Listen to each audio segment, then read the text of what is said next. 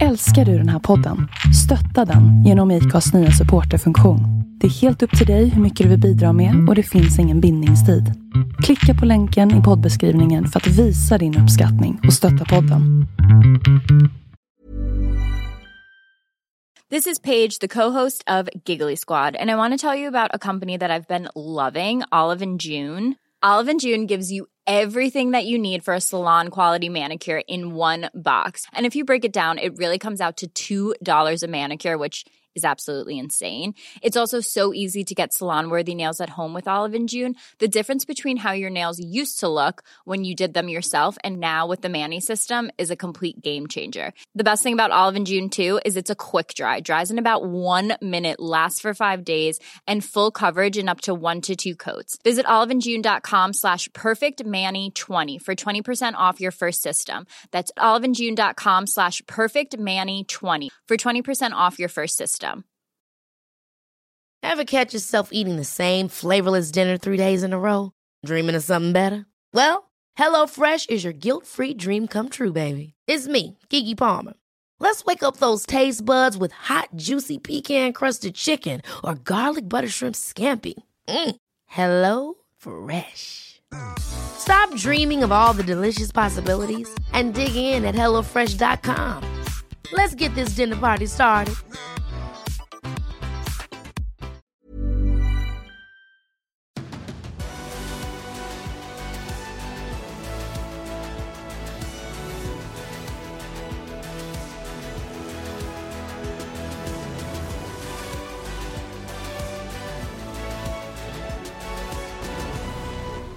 Är det dags. Den efterlängtade MotoGP-podden med nummer 131 som eh, i dagsläget spelas in i ett soligt och varmt Portugal eh, med mig, Tobias Lajon och med Andreas Mårtensson. Och Andreas, eh, vi provar på lite olika miljöer att spela in podd i. Vad säger du om den här sista, senaste?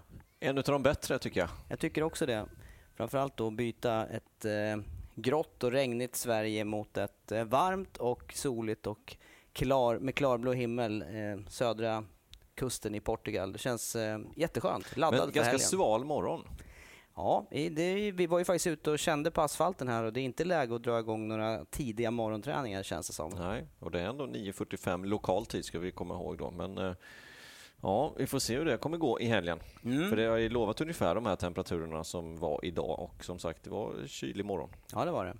Jag är spänd på att uppleva banan på riktigt också för att eh, tv-bilder sedan tidigare i all ära, men att se de här nivåskillnaderna och uppleva banan på plats, det kommer bli något annat för oss den här helgen. Ja, det ska bli kul. Ja. Eh, punkter då att snacka om.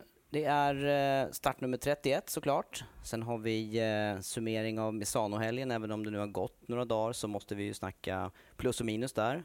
Sen även eh, nya världsmästaren Fabio Quartararo såklart. Eh, dessutom inför helgen här, det som, eh, det som den stora nyheten med att Mark Marquez då kommer att behöva stå över den här racehelgen. Eh, Tråkigt men eh, det måste vi behandla inför kommande, kommande och näst sista helg som står för dörren. Vad säger du om upplägget? Kör, var börjar vi?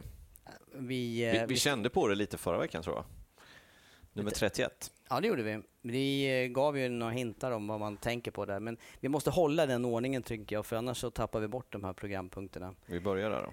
Startnummer 31 då, då får vi backa tillbaka i tiden till eh, 90-talet och eh, när vi snackade inför eh, det här startnumret så var det ju Tetsuya Harada som, eh, som eh, dök upp på näthinnan och eh, Harada var ju aktiv under framförallt 90-talet och början av 00-talet så det blir ju tvåtaxerande. Det är din, det är din era Andreas. Det är 250 GP och det är ju, det är ju bra helt enkelt. Ehm, Startnummer 31. Världsmästare 1900. 1993. Ja, och det känns ju som att vi får backa rejält i tiden då. Men det var alltså i början av hans 250-karriär och sen hade han ju fortsatta toppresultat och ytterligare en titel på gång också i slutet av 90-talet. Första året han körde faktiskt hela säsongen. Innan dess hade han kört tre wildcard bara, tre år i rad. I Japan givetvis. Sen körde han full säsong då 93. Men det som man kanske mest kommer ihåg det är väl säsongen 98 och finalen där i Argentina. Ja. Jag, jag tänker på det. Nästan, det, det är nästan den, den eh, största grejen när jag tänker på honom, men också när jag ser Loris Capirossi som jobbar med, med säkerhetsarbete inom MotoGP idag. Och sen på något sätt så jämför man ju alla jag ska inte säga torpederingar, men snudd på, så jämför man ju alltid det med den ja. incidenten 98 i Argentina när Capirossi har, var det två svängar kvar från mål eller något liknande. I någon, sista där var, var någon höger-vänster kombination. Ja, in i den där högen var In i högen mm. och han låg ju tio cykel längre bakom. Ja, helt huvudlös det, satsning. Det, fanns ingen broms på Capirossi cykel där utan han kör rätt in i sidan. Och, var... och, och, ha sån tur också. Att han, han lyckas att fälla honom. Ja, och hålla sig själv upprätt. Ja, det hade han ju inte behövt egentligen, för han ledde ju mästerskapet inför med fyra poäng, så att han hade inte ens behövt komma i mål själv, men, men äh, ja.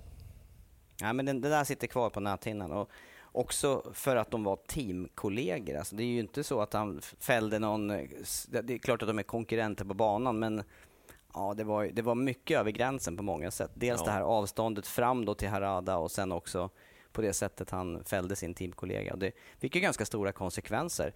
Och då får man ju fortsätta att snacka om Capirossi i det här fallet. Han fick ju, inge, han fick ju inte förnyat kontrakt hos Aprilia efter det här.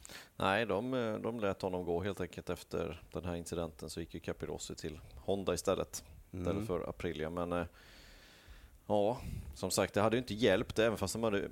Det konstiga är att de, de utesluter honom inte från den här incidenten utan han kom i mål som tvåa. Det var ju första året som Rossi körde i 2.50 och han lyckades ju vinna det där racet. Han låg precis, eller en bit bakom och han vann det där. Men eh, han blir fortfarande tvåa Capirossi i detta medan Harada då blir eh, utanför poängen. Mm.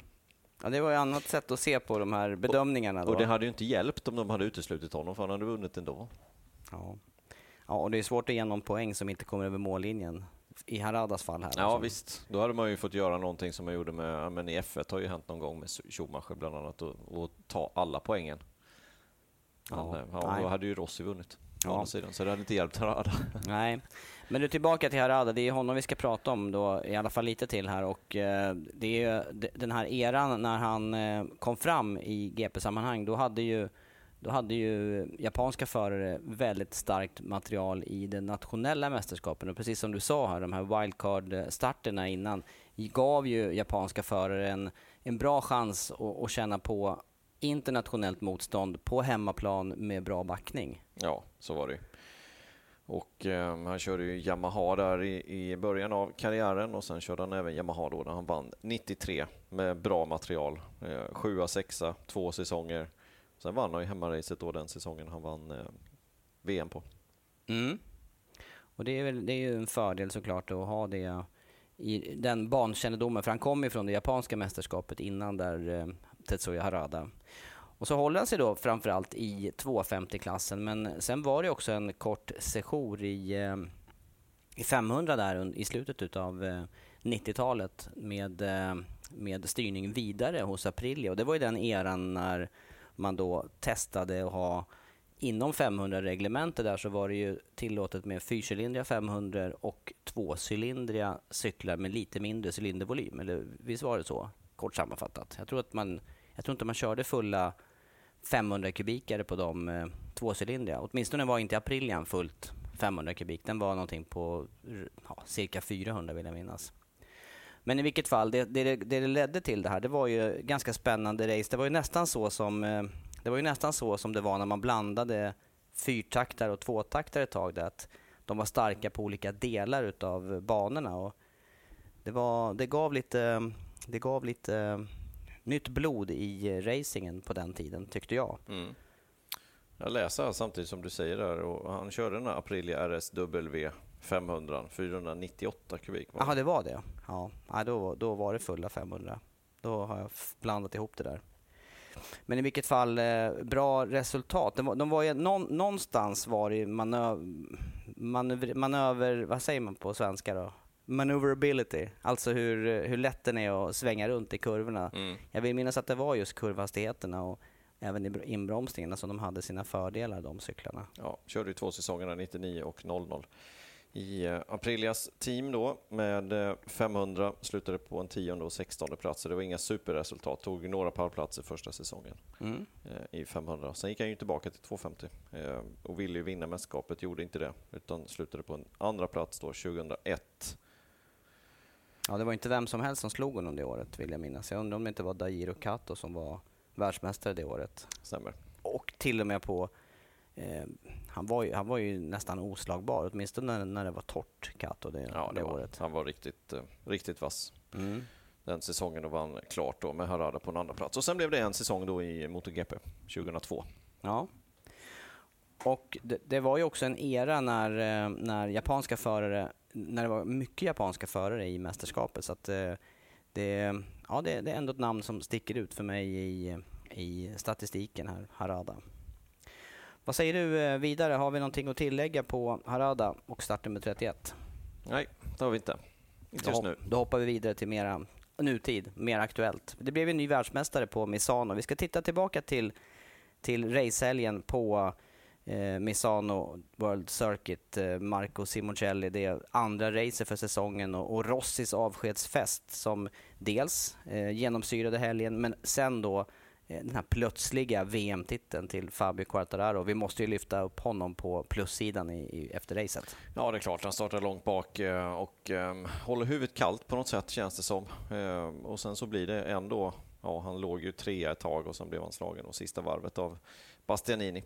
Mm. Och det var väl klokt och inte, jag tyckte ändå han höll emot bra där ja, när Bastianini kom. Ja, det gjorde han. Men han, han var ju redan, I det läget var han ju redan färdig världsmästare så det hade ju inte spelat någon roll om han hade kraschat eller inte. Nej. Nej, men, eh, men just det här att komma tillbaka och, och också under en helg med väldigt blandade väderförhållanden. Jag tyckte att eh, Quartararo skötte den racehelgen riktigt bra, men just med tanke på också att ett, eh, ett världsmästerskap stod på spel. Säger vi inte det här bara för att han tog världsmästartiteln? Gjorde han verkligen en bra helg egentligen? Under... Det, var, det var torrt på racet. Ja, det räddade det, honom. Det räddade honom. Ja, det gjorde det. För de övriga passen var ju inte på plussidan. Nej, det var det inte. Och där kommer ju det här med... Jag tror att den här vittringen på VM-titeln kommer in i matchen fast vi har sett, fast vi har sett honom väldigt eh, svag eller inte lika konkurrenskraftig när det är lite mixade förhållanden. Nej, och det var han inte. Nej. Nej. Ja, lite, lite stolpin. Han får han, plus för att han vann titeln. Ja, men, men han, har ju, han hade ju också chans. Eh, om det inte hade blivit så, så hade ju den här helgen eh, säkerligen kunnat avgöra mästerskapet. Eller så hade, har han ju dessutom... Eh, hade, det är spekulationer, men han hade, ju, han hade ju ändå till Valencia på sig att ja, säkra det här. Ja, han hade tagit titeln i vilket fall. Eh, nu blev det väldigt plötsligt där i och med att eh, Banjaya kraschade ur sig. Ja, men du, på, övrigt på plussidan då? Enea Bastianini nämner du just i fighten här med Quartararo på slutet och Bastianini tar sig ända upp på pallen igen alltså. Och tar också över eh, eh, han tar över eh, i poängsammanställningen från Jorge Martin här i fighten om Rookie of the Year. Eh, jag tycker det är extremt starkt. Ja, väldigt. Jag trodde inte att han skulle nå upp till pallen faktiskt denna helgen. Det trodde jag inte. Eh, men det gjorde han och han kom ju som en raket i slutet, verkligen hade hur bra fart som helst. Ja, jag är fascinerad. Han sitter ju faktiskt, ska vi, vi får ju betona det, han sitter ju på det äldsta Ducati-materialet utav de förarna i klassen. Ja, det gör vad, vad, vad tror du hemligheten ligger då? För han, eh, första racet det vet jag att vi snackade här med däckval. Han lyckades väl hålla liv i det här mjuka bakdäcket då under hela racedistansen. Nu, minns, det var, nu var det andra förutsättningar så det är svårt att säga fullt ut vad, vad han det gjorde var för inte någonting. Mycket, ja, men det var ju inte så mycket torr träning och han hade väl en bra setup helt enkelt i torrt. Ja. Stämde bra helt enkelt från förra helgen när, eh, när vi körde där. Men, äh, men hemmaplan också hjälper till för hans del. Kunna prestera. Vi får se vad han presterar i helgen. Det är, det är ju lite så att en gång, ingen gång. Nu har han gjort det två gånger på samma bana å andra sidan, men han behöver ju också prestera på andra typer av banor. Mm. Eh, jag tycker vi har sett vissa fragment. Han var ju bra i USA, blev väl sexa, tror jag. I sista svängen, eller i, på sista varvet, så tog han ju två placeringar. Mir och Miller. Han skulle ju behöva förbättra sina kvalpositioner. Det, där skulle ju, det skulle ju göra hans race betydligt lättare. Ja, verkligen. Hade han kvalat som sin teamkamrat här nu i första startled, Marini står ju på en tredje plats, då hade det ju varit en helt annan grej för Bastianini. Då skulle han kunna varit med och utmana faktiskt i, i täten. Mm. Kanske Ja. hängt på eh, Marquez och eh, Bagnaia inledningsvis. Vad vet vi om, eh, om Bastianinis förutsättningar för nästkommande säsong då, när det gäller just backning och maskinmaterial? Ja, det står ju kvar där vi har sagt innan att eh, han står ju utanför det senaste materialet men att Ducati försöker göra allt de kan för att eh, få, få till sex stycken fabrikshojor till nästkommande säsong. Eh, för det ska vara mer eller mindre klart då att Marini ska ha den femte förutom då Pramac och fabriksteamet. Det är mycket. Det är Sex jättemycket. cyklar. Ja, det är jättemycket. Det är jättemycket. Så frågan är om de lyckas med det, men eh, de är ju lite rädda att eh, Ast Bastianini ska ta sitt pick och pack och dra efter nästa säsong till något annat team. För med de här resultaten så är han säkert aktuell för, för andra märken. Och dessutom en, en VM-titel ska vi komma ihåg från förra året i eh, Moto 2. Den, den går lite under radarn för det är många andra namn som det snackas Ja. om. Och han, han visar verkligen styrka här nu med de här pallplatserna och eh, inte minst då senast i Italien. Ska vi varva med eh, några minuspunkter från, eh, från racehelgen i Italien då? Mm. Det får nästan bli... Det blir en fast det är två. Ja, vad tänker du där? Nej, det blir Ducati. Och då är det alltså inte Bastianini utan då är det Nej. Fabriks-Ducati du pratar om? Med båda fabriks-Ducatina. Ja. som kraschar i samma sväng. Olika delar, olika skeden av racet, men de kraschar dock i samma sväng. Som är en svår sväng. Det var ju många som kraschade i kurva 15. Men ehm, jag tror de gjorde bort sig med däckvalet. Ja, för visst handlar det där om eh, att de valde ett, en hårdare blandning. Jag minns inte om det var medium eller hårt Nej, de, gick för. De, de gick på hårt. De gick på hårt på griden. Eh, tanken var att gå för medium. Eh, och jag såg någon sån här bakom kulisserna när Marquez helt enkelt undrade vad, vad de höll på med. Eh, för, som han själv sa, Marquez, att när, när hans Michelin-tekniker sa att Ducati kommer gå för hårt så, så eh, firar han lite redan inför start på griden inombords och sa att det där kommer inte fungera. Det gjorde det inte heller. Eh, Miller kastade sig i inledningen av racet. Millers försvar var att mediumdäcket helt enkelt det låser sig in vid inbromsning, att de har inte tillräckligt bra fäste rakt fram på det. Men Det är ändå lättare, det, det är ju lättare att kontrollera det. det är det. det, är det. Eller hur? Och det, det är så små marginaler så att om man inte laddar 100% i kurva 8, det vill säga ett halvt varv tidigare, eh, om, man, om man inte kör fullt där utan av någon anledning inte, ja, då, får man, då får man inte tillräckligt med temp i vänstersidan på däcket och sen är det höger, höger, höger hela vägen fram till du kommer till kurva 15. Och då har däcktemperaturen sjunkit så pass så att du har inget fäste. Plus att det är en sån lurig ingång i den svängen där. Den är ju, vad ska man säga, halvöppen. Och det, det, är Jättesvår. det, är ingen, det är ingen direkt... Det, det är inte så att du gör den där viktförskjutningen med, med bromsning så att du lägger kraft på framhjulet. Så det är inte, det är inte ett konstigt ställe att, att gå av på. Nej. Men Men konstigt ändå att de gick på det hårda. Det måste jag ändå säga. Jag förstår att de hade andra problem med medium, men då hade de behövt köra igenom de problemen istället. Eh, nu, nu höll det på att gå ändå för Banjaya, för han var väldigt försiktig inledningsvis, det såg vi. Eh, och sen så när han väl började ladda ordentligt, eh, då höll det i ordentligt också. Sen vet jag inte riktigt varför det skedde där det skedde. Finns nog ingen jättebra förklaring på det. Antingen så laddade han inte fullt i kurva 8, däcktemperaturen sjönk, eller så laddade han helt enkelt för hårt för att de körde ju banrekord, banrekordtider. Eh, och det som var lite otur för Banjaya, det var ju att Marcus hade ju gett sig på det varvet. ja, det såg ju vi i sändning. Vi såg ju det, att när, när de passerade start och mål gången innan han vurpade, då fick han ju men jag vet inte- kommer inte ihåg vad det stod på tavlan, men kanske 05, 07 eller något liknande. Eh, och då, då låg ju Marcus på rätt kraftigt, men sen från egentligen kurva 15 varvet innan, då, då började luckan att växa och växa och växa. Men det visste ju inte Banjaya för att han hade inte passerat start och mål och fått sin tavla. Och då körde de ju låga 32-tider och, och Banjaya, det är ju högt tempo alltså. Mm. Och, och, och Marcus hade ju gett sig, det sa han ju själv på presskonferensen. Och det syntes ju tydligt i rutan. Och då kraschade Banjaya. Ja. Så mycket otur också för Banjayas del just i tajmingen. Ja, ja. För hade, hade han tagit en eh, passering till där, då hade han ju också fått en annan känsla för vad som hände Ja, bakom honom. Exakt, då hade han sett kanske plus en, plus 1,2 Och då tror jag inte han hade, då hade han inte behövt ladda på det sättet och haft lite mer marginal i kurva 15. Men det är ju det här som är lite spännande tycker jag ändå, hur mycket beslut som, som föraren ändå måste ta här och som, som är eh, ja, så, så mycket som kan ske här under ett varv som, som inte går att kommunicera via det mm. som vi andra ser utifrån. Det gör ju den här sporten lite extra spännande ja. tycker jag. Och ett misstag, då är det i samfållan. Mm, det är inte bara en sladd. Nej.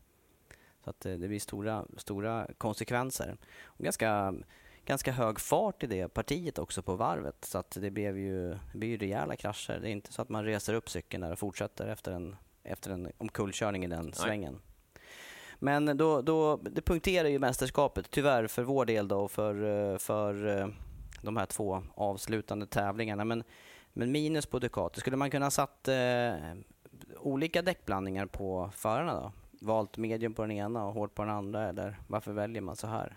Nej, de, de, de tycker att de hade problem med mediumdäcket eh, och att det inte fungerade helt enkelt. Men jag tror att ändå i efterhand så skulle man nog gått på det. Mm. Ja, och jag, jag, blev förvånad att man inte gick på det faktiskt. När vi, när, även på griden där, när vi fick se det. För det tog, på griden så stod det att de skulle köra på medium. Eh, och sen så såg vi ju live-timingen när de hade startat, att på varv 1-2 där när, när grafiken uppdateras, att de hade kört ut på det hårda. Mm. Eh, och då blev jag faktiskt lite förvånad. Men sen så såg vi också att det var gul däcksida på framdäcken. Ja. Ja, det får bli minus på fabriks Ducati-cyklarna där. Ingen av förarna stod alltså racedistansen ut. Um, en annan förare som hamnade i sandfållan och som vi också tycker jag kan sätta upp på, på minussidan det är Suzuki-föraren Johan Mir som uh, dels misslyckas under uh, kvalen och det, då misslyckas han kapitalt. Han står alltså 18 i, uh, i starten. Eh, och eh, sen går dessutom omkull under racet och då ska vi ha klart för oss att Mir ligger ju trea i mästerskapet och ah, det är klart underbetyg den här helgen. Regerande världsmästare. Dessutom. Tjuvstart. Dessutom ja. Du vet, det var, det var som du säger, det var inte, det var inte en grej här. Nej, det var mycket grejer. Och sen drog han med sig Petrucci dessutom i fallet. Nej, det var inte bra. Nej, det var inte bra. Men den här, den här svårigheten då på kvalet där, för den vi måste jämföra närmast med eh, Rins, han står ändå, ja, han står fortfarande utanför topp 12, han är 13. Eh, fortsatta problem för Suzuki med sina kval, det kommer de behöva komma till rätta med under vintern här. Ja, det kommer de behöva. Vi pratade om det redan förra året egentligen, det var också problem med kvalet, men då kom de lite starkare i slutet av racen, vilket vi, den har vi inte sett i år på det sättet. Nej, och det, det, jag fick ju möjlighet att prata med eh, Mir tidigare under sommaren här och eh, han sa ju det själv att eh, där upplevde han inte no, att det var, det var ingen försämring för Suzuki men, men då, står man stilla då och de andra tar kliv framåt ja. så, så är det utjämnat och det, de har inte den fördelen längre. Nej, nej. Intressant där med Davide Brivio. Det ryktas ju om att han är på väg tillbaka till Suzuki eh, från alpin då, där han eh, jobbar idag i, eh, i Formel 1. Och eh, det hade nog varit önskvärt hos Suzuki. Få tillbaka honom. Ja, vad har han, vad har han gjort eh, rätt om man säger då inom Suzuki, inom teamet där? Men just kommunikationen och, och få det på något sätt att hända grejer. Och vara den här lilla barriären mellan japaner, europeer och kunna driva utvecklingen framåt. Mm. Eh, jag tänker också på det här som vi var inne på nyss med eh, kontra Ducati då, som, som har som målsättning att ha sex fabrikshojar. Suzuki håller fast vid sina två och har inte ens ett satellitteam. Hur, hur handikappande är det i sammanhanget? Man lägger rätt säkert, mycket på... Säkert, men det kostar ju massa pengar också. Och med covid-situationen som har varit så så fanns inte möjlighet helt enkelt att, att utveckla och utöka antalet till fyra. Även fast det skulle behövas. Men det här är ingenting vi hör om eh, ens i, i kulisserna nu om man spekulerar om uh, det var ju, utöka? Det var ju mycket mer spekulationer inför den här säsongen, alltså under vintern. Men sen så kändes det som att luften lite gick ur Suzuki när Brivio lämnade. Och, Eh, Eh, det ryktas ju om att det var väldigt nära att eh, VR46 signade med Suzuki att det skulle bli deras satellitteam. Det pratades ju även om Petronas-teamet. Eh, men nu senaste tiden har jag inte hört någonting om det. Nej.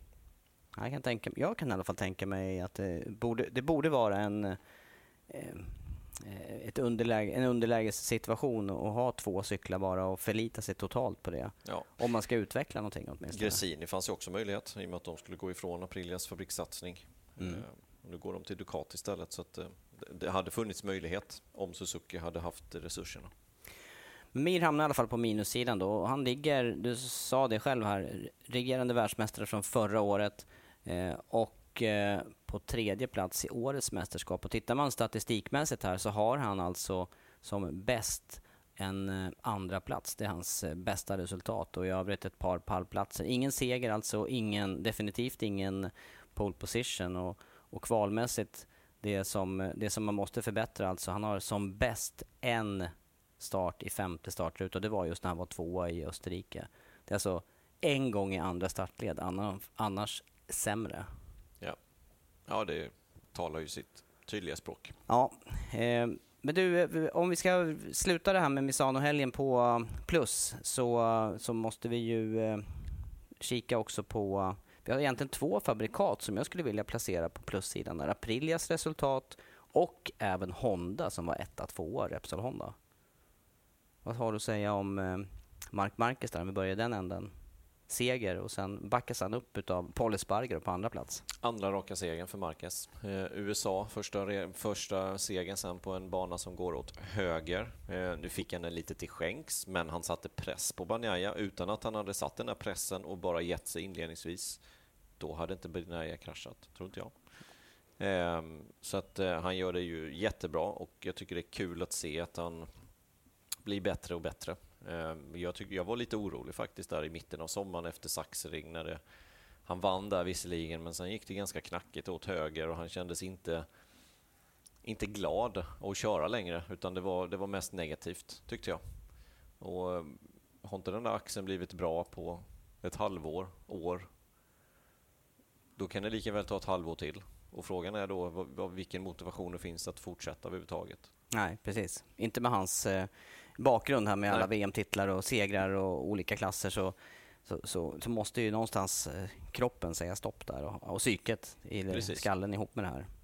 Så nej, men imponerande seger eh, och Repsol Honda återigen då 1-2 första gången på tre år någonting. Ja. 2018 senast. Så att, eh, det är ju imponerande, givetvis. Eh, men sen även Aprilia, som du nämnde där, Alicia Sparger och eh, Vinales 7-8 och Vinales bara någon tiondel ifrån Alicia Sparger. Ja, det var bra. Mycket Väldigt. bra. Det gick lite under radarn för mig gjorde det. under sändningen som vi Det hade gjorde då. Någonting annat som gick under radarn var ju Oliveiras krasch, det fick vi inte ens se. Nej, nej, nej. Det har de ju lite skämtat om i efterhand. Ja. Var, var tog han vägen? Nej. Ingen vet. Enligt statistiken så Here's a cool fact a crocodile can't stick out its tongue. Another cool fact you can get short term health insurance for a month or just under a year in some states. United Healthcare short term insurance plans are designed for people who are between jobs, coming off their parents' plan, or turning a side hustle into a full time gig. Underwritten by Golden Rule Insurance Company, they offer flexible, budget friendly coverage with access to a nationwide network of doctors and hospitals. Get more cool facts about United Healthcare short term plans at uh1.com. I'm Sandra, and I'm just the professional your small business was looking for. But you didn't hire me because you didn't use LinkedIn jobs. LinkedIn has professionals you can't find anywhere else, including those who aren't actively looking for a new job but might be open to the perfect role, like me. In a given month, over 70% of LinkedIn users don't visit other leading job sites. So if you're not looking on LinkedIn, you'll miss out on great candidates like Sandra. Start hiring professionals like a professional. Post your free job on linkedin.com/achieve slash achieve today. Since 2013, Bombas has donated over 100 million socks, underwear, and t-shirts to those facing homelessness. If we counted those on air, this ad would last over 1,157 days. But if we counted the time it takes to make a donation possible, it would take just a few clicks. Because every time you make a purchase, Bombas donates an item to someone who needs it. Go to bombas.com slash ACAST and use code ACAST for 20% off your first purchase. That's bombas.com slash ACAST, code ACAST. gick han omkull eh, i kurva 14. Det är den här långsamma svängen. Det Ja, borde man ha så hunnit det få borde med. varit nästan exakt samtidigt som Banjaya var i kurva 15 och gick omkull. Det var på samma varv. Ja. Så Och det- då riktar man alla kameror mot, mot Banjayas krasch. Ja. För vi fick, vi fick inte se någonting Nej, det det här. finns ingen repris på det. Det kanske finns någon på läktaren. Det är otroligt ju. Ja. Ja, det är faktiskt otroligt. Men han låg ju faktiskt trea i det läget när Banjaya gick omkull. Ja, ja. Men eh, det var inte Oliver vi skulle prata om. Vi pratade om Aprilia och Honda och de gjorde det bra båda två.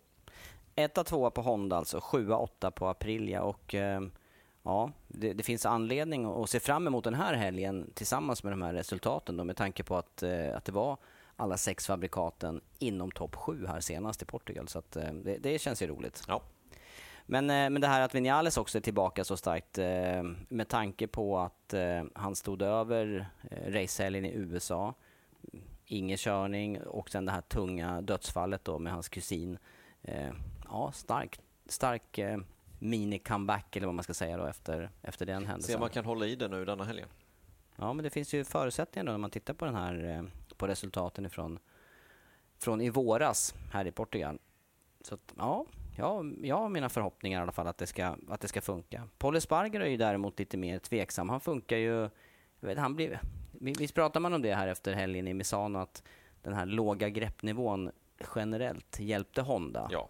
I alla fall, och, och då pratar vi väl Honda utanför Mark Marquez som, som kan göra det här extra ja. fortfarande. Ja.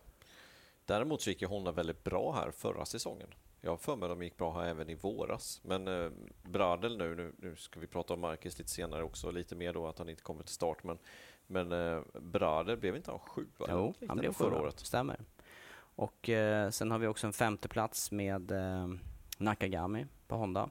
Och det undrar jag om inte det var senaste racet som kördes här. Men jag minns att han var femma. Mm.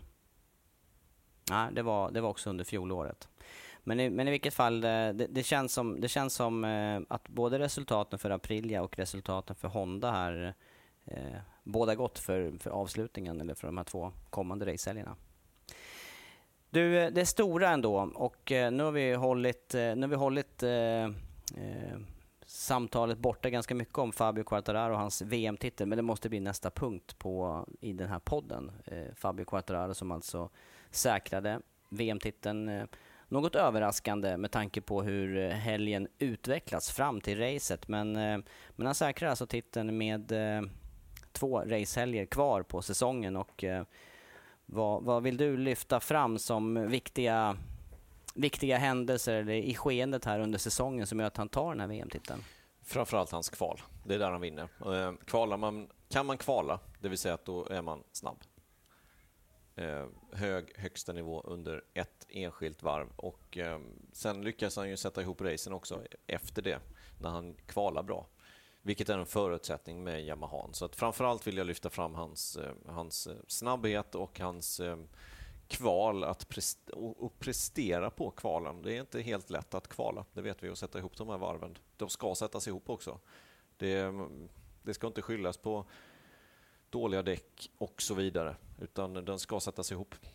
Och, och, där är ju, det blir tydligt när vi precis har pratat om Johan Mir där som har sin bästa kvalposition, en femteplats och, och regerande världsmästare då fram till förra racehelgen. Eh, men Quartararo en gång utanför eh, de två första startlederna. Alltså, egentligen skulle man kunna säga att säsongen där han har stått i första startled femma eh, i ett av racen i Qatar och sen den här senaste helgen då när han startade i 15. Men i övrigt rakt av första startled. Mm. Och det är ju styrkan. Det är riktig styrka. Riktigt, riktigt bra. Men, men tittar man sen också på, på resultaten, för han backar upp där. Han har alltså fem pole positions utav de här. Eh, och det är mest av alla i mästerskapet. Jag tror faktiskt att Banjaya nu är uppe och eh, eh, ligger på fem lika så, för han har haft en extremt stark eh, avslutning här på året. Men Fem pole och dessutom backa upp det med, med fem segrar. Och det är framförallt Banjaya som har utmanat i, i mästerskapet och det är ju framförallt där det, det fanns ju ändå en viktig vändpunkt gällande de två eh, och poängen i eh, inledningen på året här. Ja, eh, och det var ju Mugello egentligen, när Banjaya kraschade ifrån ledning. Han hade behövt göra ett riktigt bra resultat där på hemmaplan, men av diverse anledningar då med Dupasquiers olycka där på på lördagen, tysta minuten precis innan start och så vidare så, så klarade inte Banjaya den pressen, trycket som var på honom. Gick omkull eh, medan Quattararo vann. Mm. Och, och ska man ta en vändpunkt i mästerskapet så är det väl då. så här i efterhand. Ja, för han tappade ju så mycket momentum där poängmässigt. eh, För innan det så, så skuggar de ju varandra poängmässigt här. Även om eh, det var väldigt stark inledning på året utav båda Yamaha-förarna egentligen. Eh, Och sen så kom man då över till eh, Europa med med Portugal, seger för Quartararo. Och sen hade han ju trots allt, om vi nu håller oss fast vid Quartararo, han hade ju det här problematiska racet i Jerez i våras. Ja, han gör ju en klockren säsong fram till Österrike egentligen, men två plumpar där. Och det, och det är ju, första är ju i, Jerez när armpumpen eh, slår till och han, han leder racet och han kan inte göra någonting åt det och slutar på en trettonde plats, det vill säga tre poäng. Nästa grej så var det ju att skinnstället öppnade sig. Så att tar man de här två grejerna som normalt sett, det sker inte, utan det, det är egentligen två enkla segrar för Quattararo så ser man ju ytterligare tecken på att han har varit helt överlägsen. Ja, faktiskt. Han har varit helt överlägsen. Eh, och, och, och då, för, att, för att utmana honom där, då hade ju Banjaya behövt eh, mer eller mindre en felfri säsong. Han hade behövt vara så vass som han är nu i slutet på säsongen under egentligen hela året för att, Och det, har press. det har inte varit riktigt. Eh, lite otur också för Banjaya. Vi kommer ihåg det här, eh, speciellt nu är vi i Portugal och, och den här eh, varvet som ströks på kvalet här. Hans sista varv, det var ju gul flagg som man inte såg. Det var ju ett klockrent varv som hade räckt till pole position till och med. Eh, han startade 12 istället och, och hade större problem helt enkelt. Så att Banjaya har väl haft sina saker också. Silverstone, han fick ett däck som inte levererade och så vidare. Så att... Men i vilket fall som helst har ju Quattararo varit överlägsen. Mm. I, åtminstone i, i, fram till halva säsongen. Sen har det varit mer jämnt. Ja. Men- det här kval, kvalhastigheten och möjligheten och förmågan att sätta eh, bra kval för Quartararos del och sen snabbheten som du, som du nämner. Där. Och då gäller ju det faktiskt både över enstaka varv men också över full racedistans. Han verkar ha en bra förmåga att eh, hålla däck vid liv och, och vara konstant i sina varvtider under, ja, på något vis kontrollera sin fart helt enkelt. Exakt. Eh, en annan sak som, som sticker ut, som jag tänker på för, för Quartararos del, det är ju hans förmåga om man nu, om man nu eh, jämför Yamaha-förarna rakt av där. Vi vet ju hur det var med Vinales här under året och att han till slut lämnade teamet. Men han, han hade ju en oförmåga att passera och köra om andra förare medan Quartararo ändå lyckas göra det när det behövs, känns det som. Han, har, han verkar vara lite vassare på den, eh, ha någonting extra när det gäller bromsningarna också. Eller är jag Ja. fel ute? Nej, det, det kan säkert vara rätt observation, men det, det blir som i Vinales del där, så, så han kommer alltid i problem för att han kvalar för dåligt och då kommer han i trafik. Eh, Medan Quattararo är högre upp eh, och gör det lite lättare för sig själv redan från början. Eh, Men jag håller ju med om att han är ju lite vassare på att köra om, men jag, jag tycker inte att det är jättestor skillnad ändå. Det är bara att, att Quattararo kan ta fram de där supervarven gång på gång på gång för att kvala högt upp. Det som händer, som vi har sett eh, framförallt under eh, race med, med hög asfaltstemperatur, det är att framdäcken där tar slut och då blir det ännu svårare att köra om. Och Ja. då, då, det slipper han ju då, Quartararo, om, om han har fri luft framför sig i racen.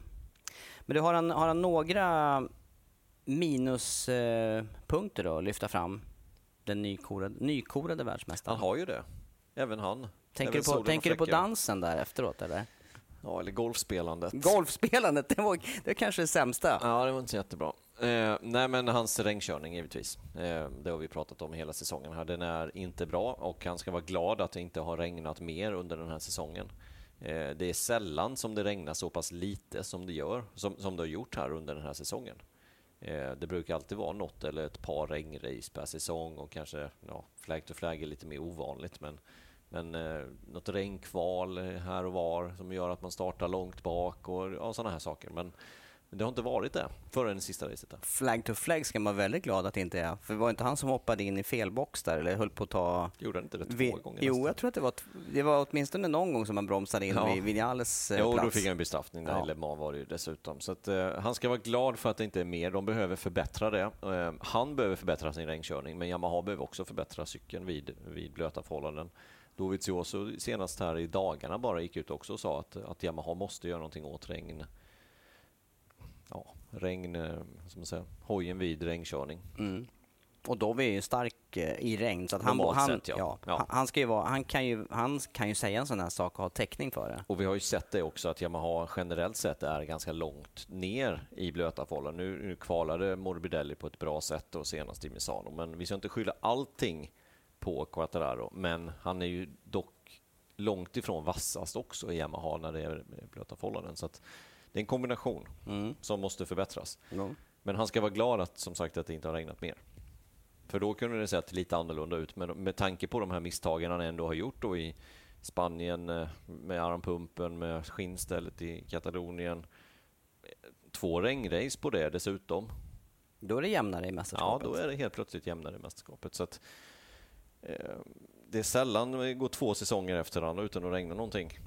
Och Sen- det tyder på att han måste förbättra det till nästa år. Nej, sen så, ja, kanske att man kan lyfta upp det här med eh, hans eh, reaktioner fortfarande. Vi fick, ju- jag fick tillbaka lite flashbacks här under eh, Italienhelgen, den senaste, med, med under träningarna och under kvalen här. Det var mycket de här slagen i tanken, skaka på huvudet, eh, irritationen och, och, och jag när ser- det inte går riktigt bra. Precis, och jag ser ju inte riktigt det hos, eh, om vi nu tar närmsta konkurrent i år här, Francesco Bagnaia ser betydligt mera samlad ut. Vi, det är Eller inte de här-.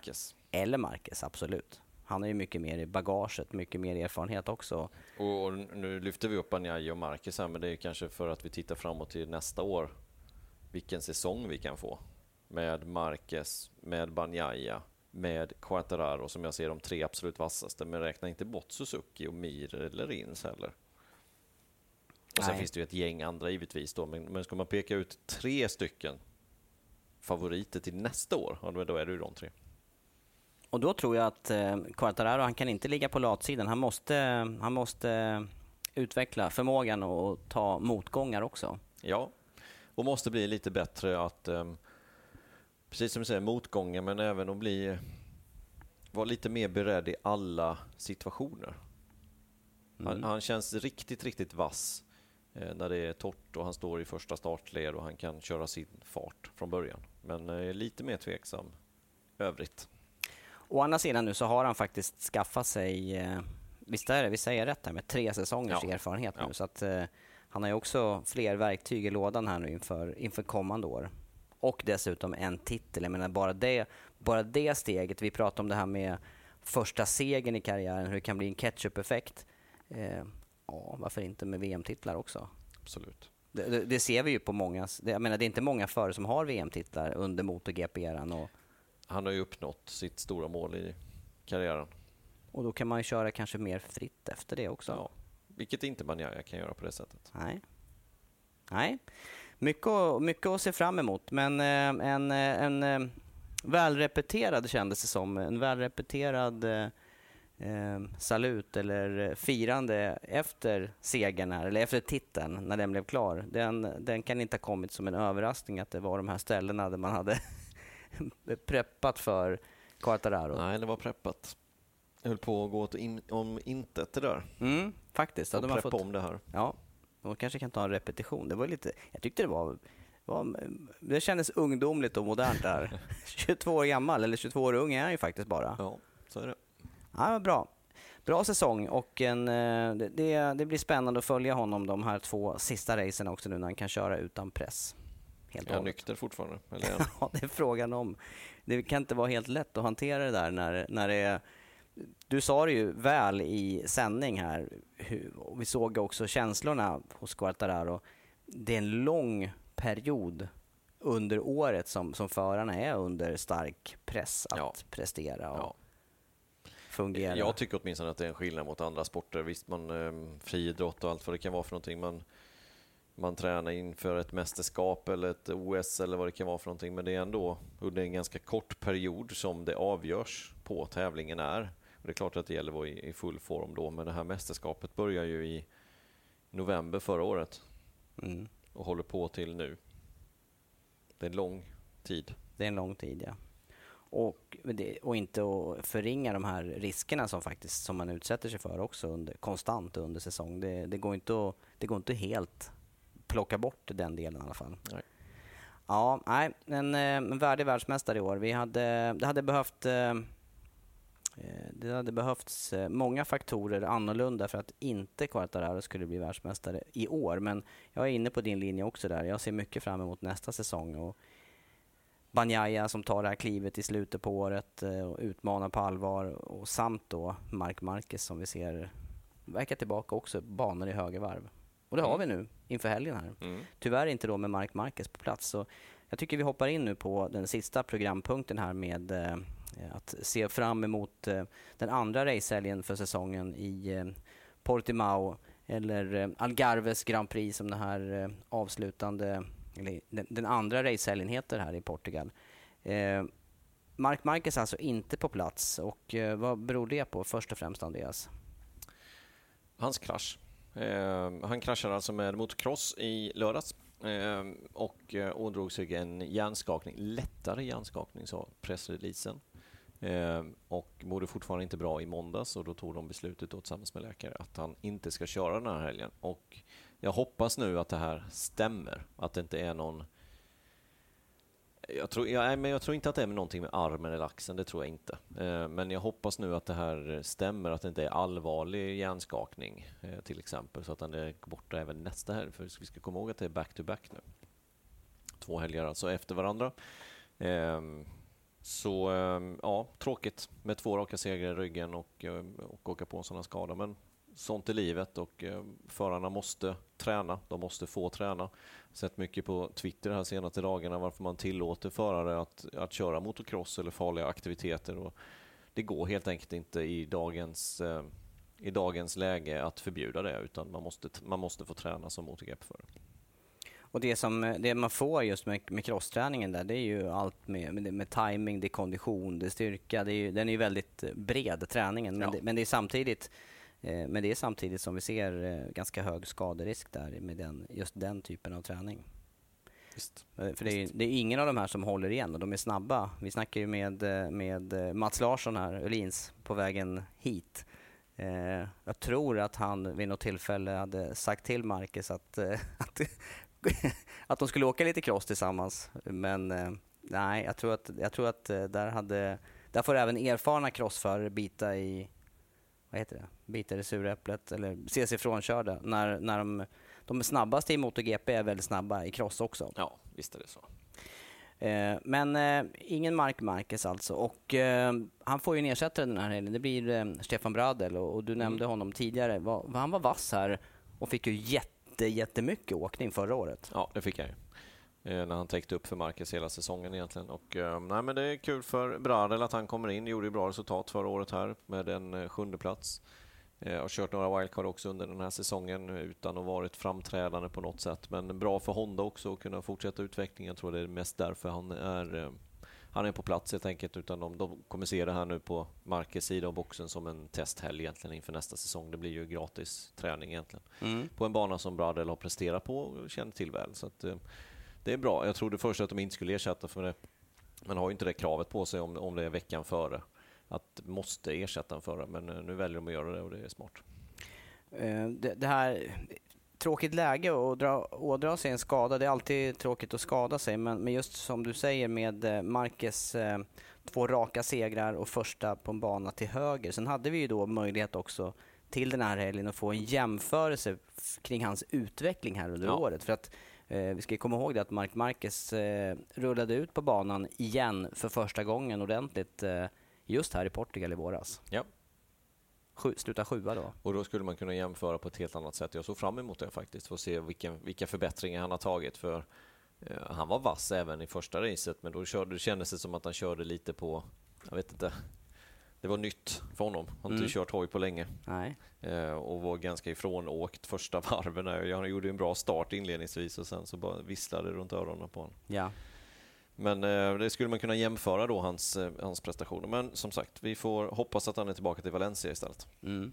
Och att det nu inte är så allvarligt. Att, att det är så som det står i pressreleasen, att det är en lättare hjärnskakning och att han kan komma tillbaka. Mm. I övrigt så ser ju förutsättningarna fantastiska ut. Eh. Ja, men uh, be aware säger jag bara på morgonträningen. Mm. Menar du då med temperaturen alltså? Japp. Mm. För vi var ute som sagt lite innan nio idag, men uh, ja. Kall asfalt. Väldigt kall asfalt. Och så har vi då eh, nivåskillnader och eh, partier där säkert inte solen når fram fullt ut här under, under morgontimmarna. Eh, ännu större risk när det kommer till, eh, till eventuella krascher här och misstag. Ja. Eh, Det ska bli spännande också att se som sagt var den här anläggningen på, på riktigt. En, en stor anläggning, fullstor anläggning där eh, nu MotoGP gör sitt tredje race, visst blir det så? Det måste vara tredje racehelgen som man, eh, som man är på plats. Eh, Ja. I vilket fall så Eh, jag, jag minns ju lovorden där från förarna, just hur roligt banan är eh, i sadeln. Och, Ja, men kommer du inte ihåg för ett år sedan när vi satt hemma i gråmulet Stockholm i november och tittade på finalen som gick här? Jo. Och sa vi, där skulle vi ha varit nu. Nu är vi här och ehm, det ska bli kul att se. och känna på banan på fredag. Visst Ska är det du så? göra ja. Ja, visst är det så. Mm. Vi har ju dragit sticka äntligen om det här. Du drog längsta strået idag. Ja. Ja. Nej, men det, blir, det ska bli spännande att se från sadeln också och känna, för, för det, är, det är en sak att se bilder men, men en annan sak ifrån eh, Har du pluggat bansträckningen och sådär och kört på Playstation och sådär som jag brukar förbereda mig? Nej, det är det jag inte har gjort. Playstation. Du jag- förbereder dig inte lika väl som jag då. Nej, det, ska, det kommer väl att synas också. Jag kommer bara skylla på åldern. Jag kommer aldrig erkänna det här annat. Nej.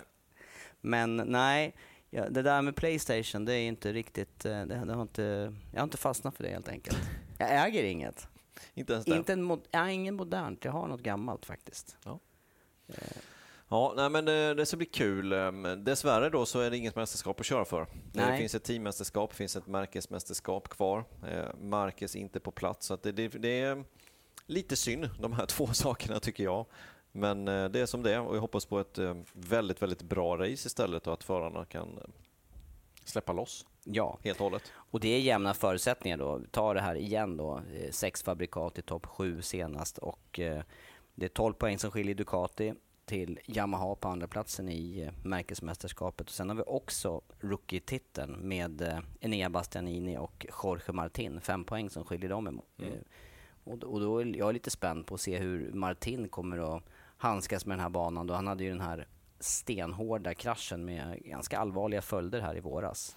Han la ut något Instagram-inlägg här häromdagen också och ja, det kändes som att det där sitter kvar i hans huvud fortfarande faktiskt. Ehm, sen är jag nyfiken på Oliveira, för han gjorde faktiskt en bra racehelg senast i Misano. Eh, låg Bara frågan en- vart han tog vägen, Ja, om, man är, om man är här ens. Precis, någonstans försvann han. Vet inte. Jag vet inte, vi såg inte som sagt. Men eh, han låg fyra och med Banyajas krasch hade han legat tre. Han kom nog inte ens fram till den punkten också när han låg trea. Men han gjorde en bra racehelg i vilket fall som helst. Eh, här gick det inte så bra senast. Han vann här alltså förra året. Eh, i här senast eh, i våras gick det jättedåligt och kraschade ur racet. Men du, det och är, varit från en tung period. Eh, nu ska vi se om man kan komma tillbaka till gammal fin form. Ja, och det, det finns ju förutsättningar för det just med tanke på hur han körde fram till kraschen. Men även att Michelin den här helgen i, kommer att ha det symmetriska framdäcket. Och det var ju det som eh, Oliveira och många förare Ja. trivdes bättre med. Ja. Så det finns ju, det, finns ju det, det, är en faktor som är ändrad. Och kom ihåg hur överlägsen han var här förra året. Mm. Det var, då var det första gången mot EP körde här. Förarna visste inte riktigt på banan och inställning och allt sånt där. Men Det förstår alla. Men, men eh, dock så kör han grymt bra. Du, när drar helgen igång då Andreas? Och hur ser eh, sändningstiden ut för eh, denna näst sista Vi befinner oss i en annan tidszon nu ju. Så för våran del så är det vanliga tider 9.45 men i svensk tid blir det ju då 10.45 eh, fredag förmiddag. Ja. Eh, ändrad race, eh, raceschema. Så det är Moto 3, Moto GP, Moto 2. Vilket gör att eh, Moto GP startar 14.00. Mm. Och eh, vi måste också komma ihåg i slutet på sändningen att tacka de som stöttar podden. Eh, även om det nu tar lite längre tid i vissa tillfällen eh, så får vi ju vi får ju förklara att det beror ju på att vi båda har andra jobb och, och hyfsat stora familjer tillsammans i alla fall. Tillsammans har vi en snittstor familj. Ja. Men vi jobbar mycket. Ja, det är det. Men, eh, men nu finns det tid och eh, nu har vi, eh, har vi förberett den här helgen tycker jag så gott det går och, och ska faktiskt ta oss till banan alldeles strax. Det ska Ja. bli spännande. Det ska det. Vi ska redigera den här podden, släppa den så fort som möjligt och sen ska vi ha ett magasin med Johan Stigefelt här om bara några timmar. Mm. Håll utkik efter det alltså. Och, Kommer eh, på Facebook. yes. Via satt tänkte jag säga. Via Plays Motors Facebook. Det är bra att du förtydligar där. Det hade kunnat vara jag som sa det där första. Du, eh, är vi nöjda för dagen? För den här insatsen? I så fall så, så avrundar vi och, eh, eh, och eh, hälsar, eh, hälsar som sagt var välkomna att följa sändningarna under hela helgen. Tack så länge.